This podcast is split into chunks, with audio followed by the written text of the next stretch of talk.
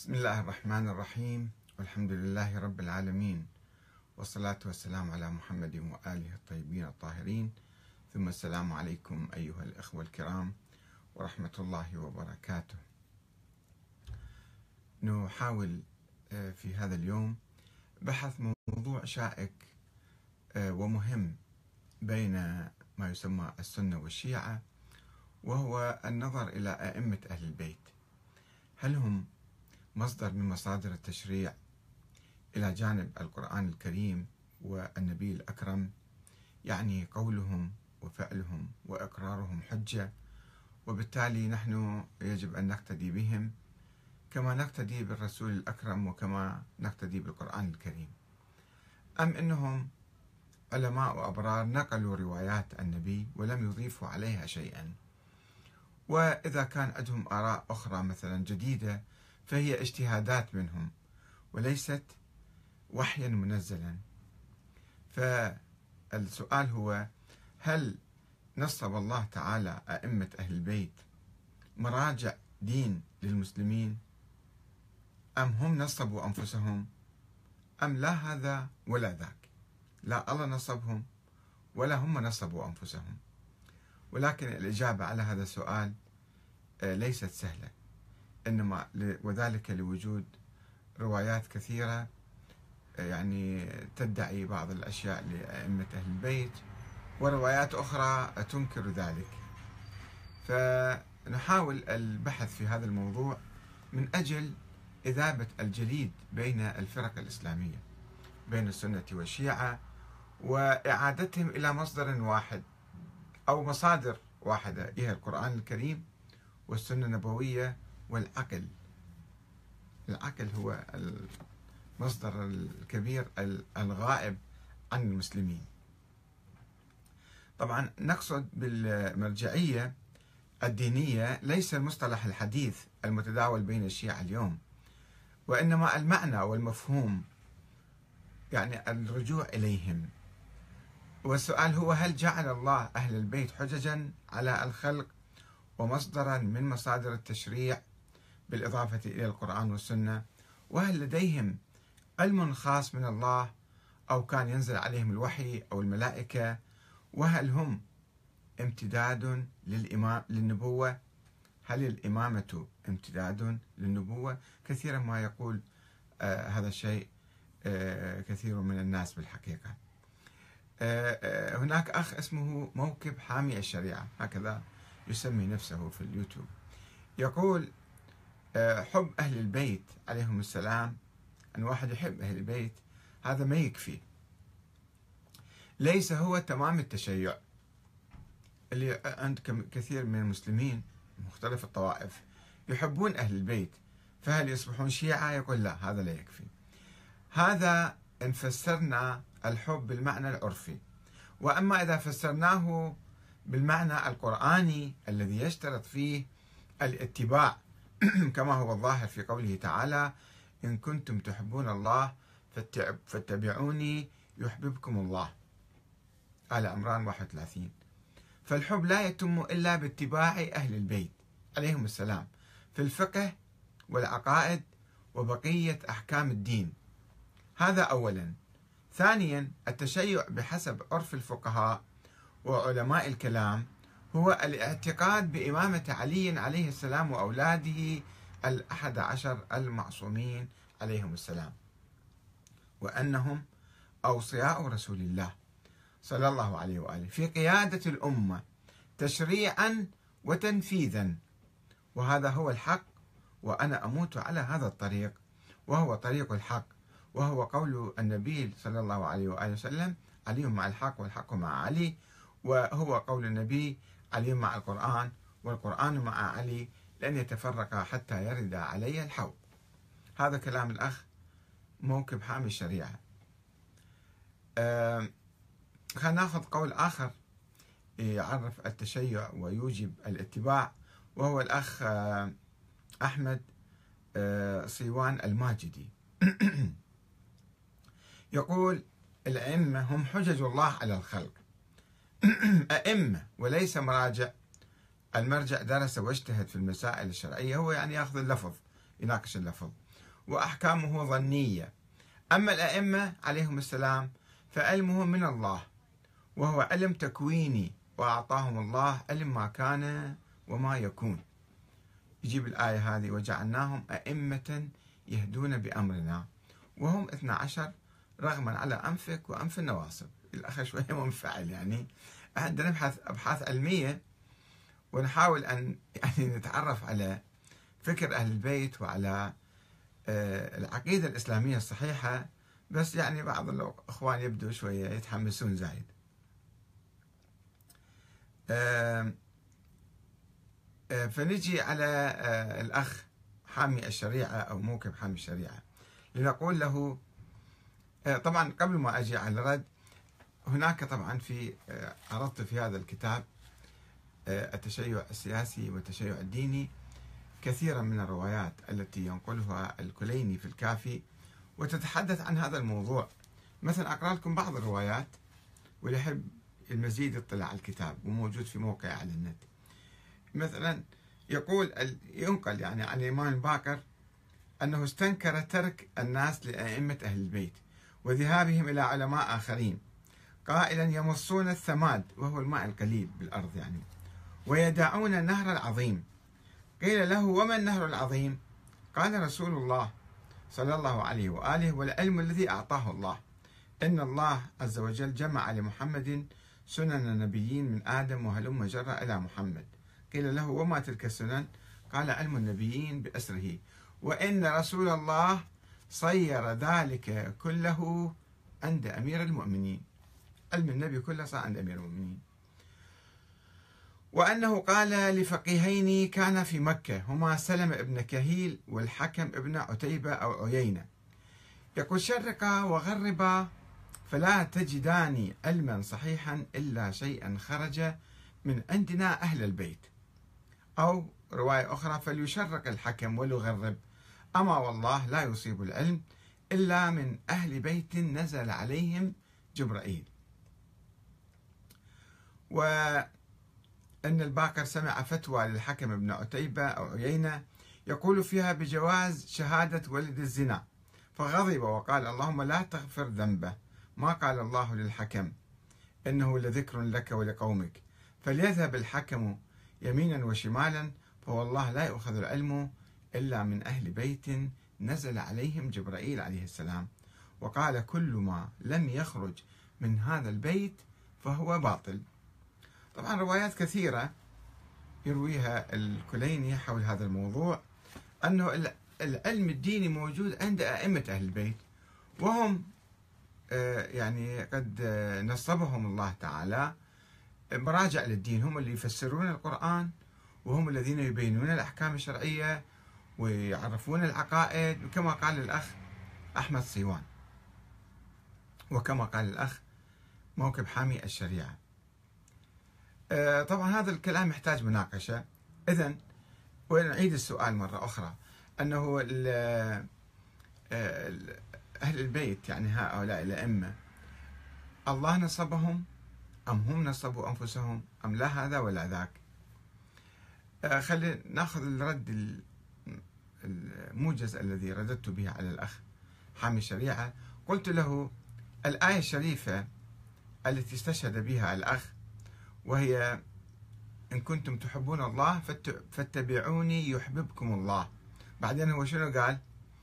قال فالحب لا يتم إلا باتباع أهل البيت في الفقه والعقائد وبقية أحكام الدين. طيب شلون هو الآية تحدد؟ يعني النبي هو مصدر. النبي هو الذي يجب أن يتبع. كيف ربطت أهل البيت هنا؟ صارت قفزة. كيف ربطت أهل البيت بالنبي؟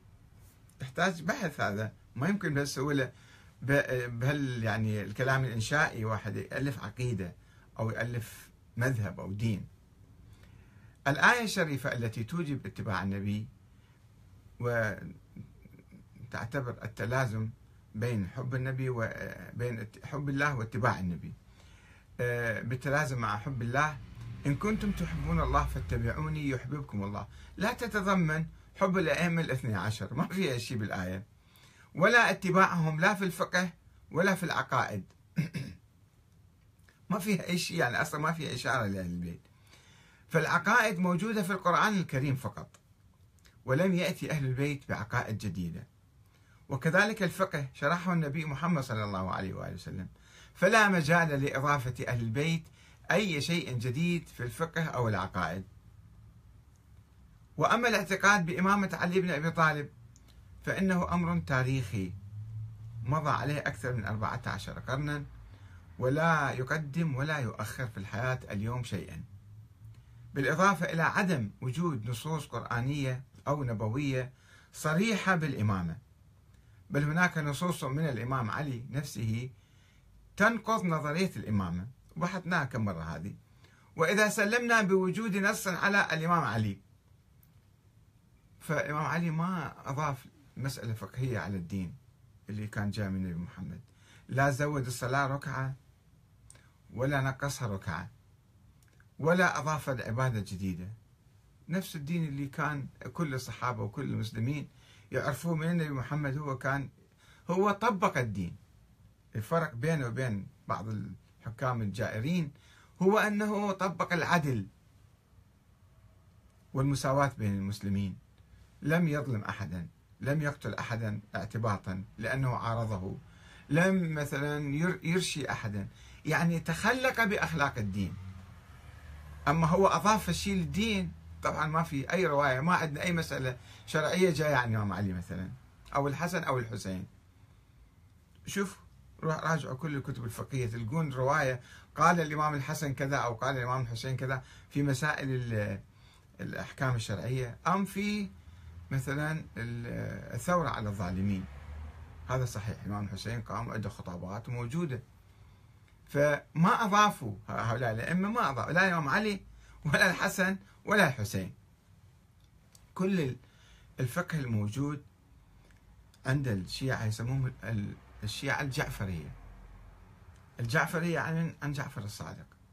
أو الباقرية أيضا. اسم آخر لهم الباقرية يعني في مواضيع الإمامة وحصر العلم في أهل البيت وكذا مثل ما شفتوا روايات يرويها الكليني وغيره آه، عن الإمام الباكر. الإمام الباكر والإمام الصادق. بقية الأئمة أيضا ما عندهم مسائل كثيرة. مسألة مسألتين يمكن في بعض المواضيع. البقية ما ما في شيء عندهم. أكثر شيء الفقه الموجود لذلك عرف الشيعة الإمامية بالجعفرية. لأن ورد الفقه عن جعفر الصادق. طيب جعفر الصادق شنو كان هذا؟ أضاف دين جديد؟ وكم مسألة هي عنده يختلف بها عن بقية علماء المسلمين؟ بضعة عشر مسألة. يعني هي قد تكون اجتهادات وما فيها علم من الله ولا فيها مثلا شيء خاص عنده علم لدني أو تكويني أو شيء من القبيل هذا.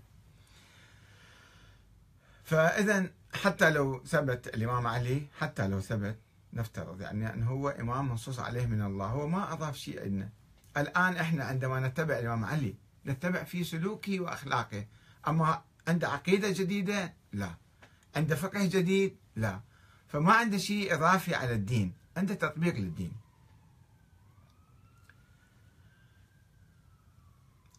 نعم.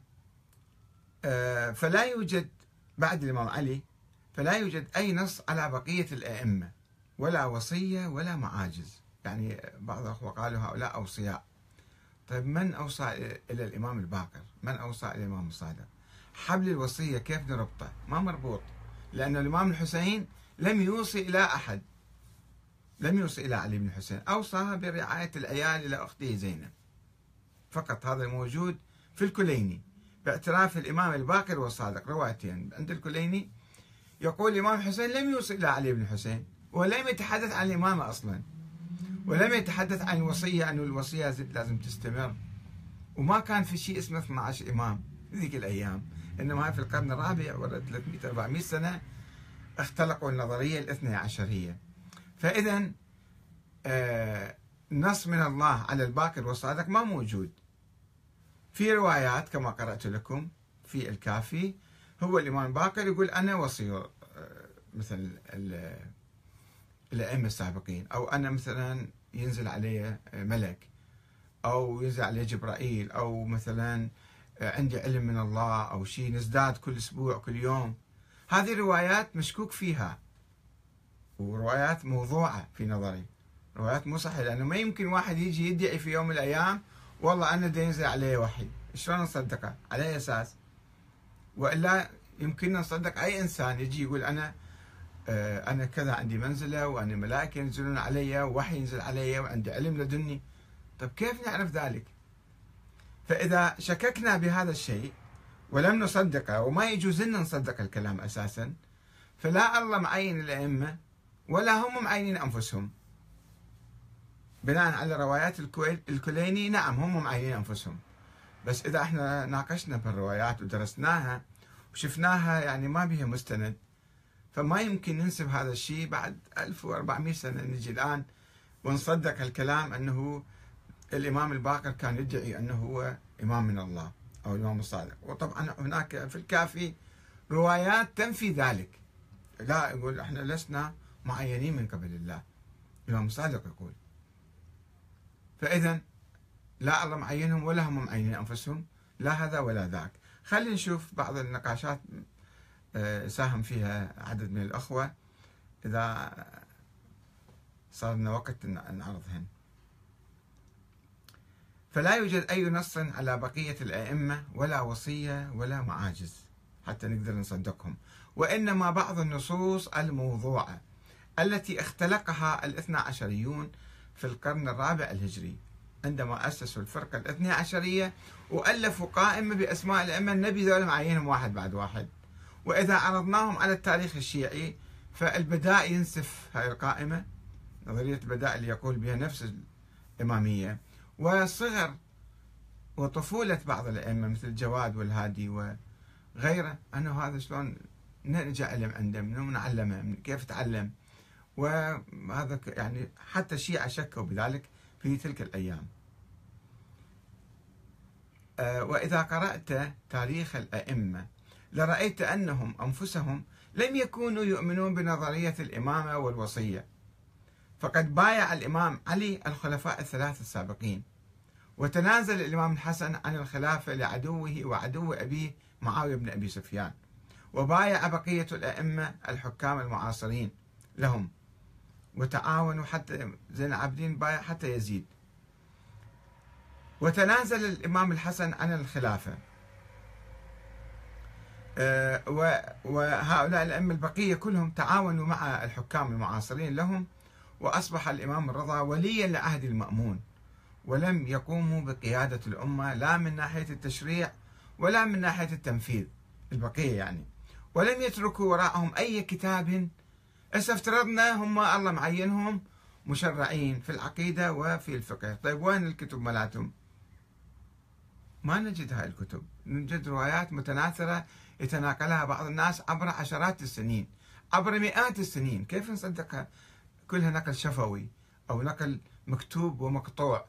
يعني واحد كاتب كتاب ما ندري قبل 100 سنة شوف عرفنا هذا الكتاب إله ولا مو إله ما في يعني اتصال بالسند.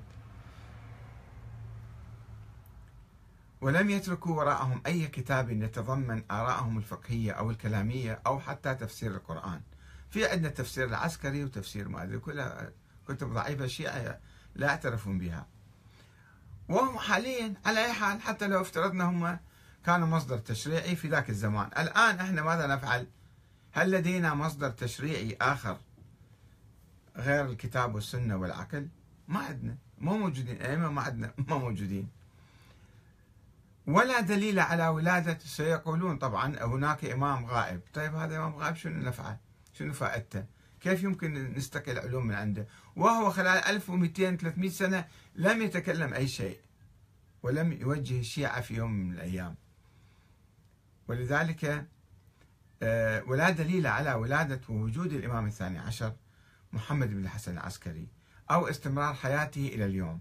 ولذلك فقد ترك الشيعة الإمامية نظرية الإمامة. تركوها مرتين. قبل ألف سنة فتحوا باب الاجتهاد.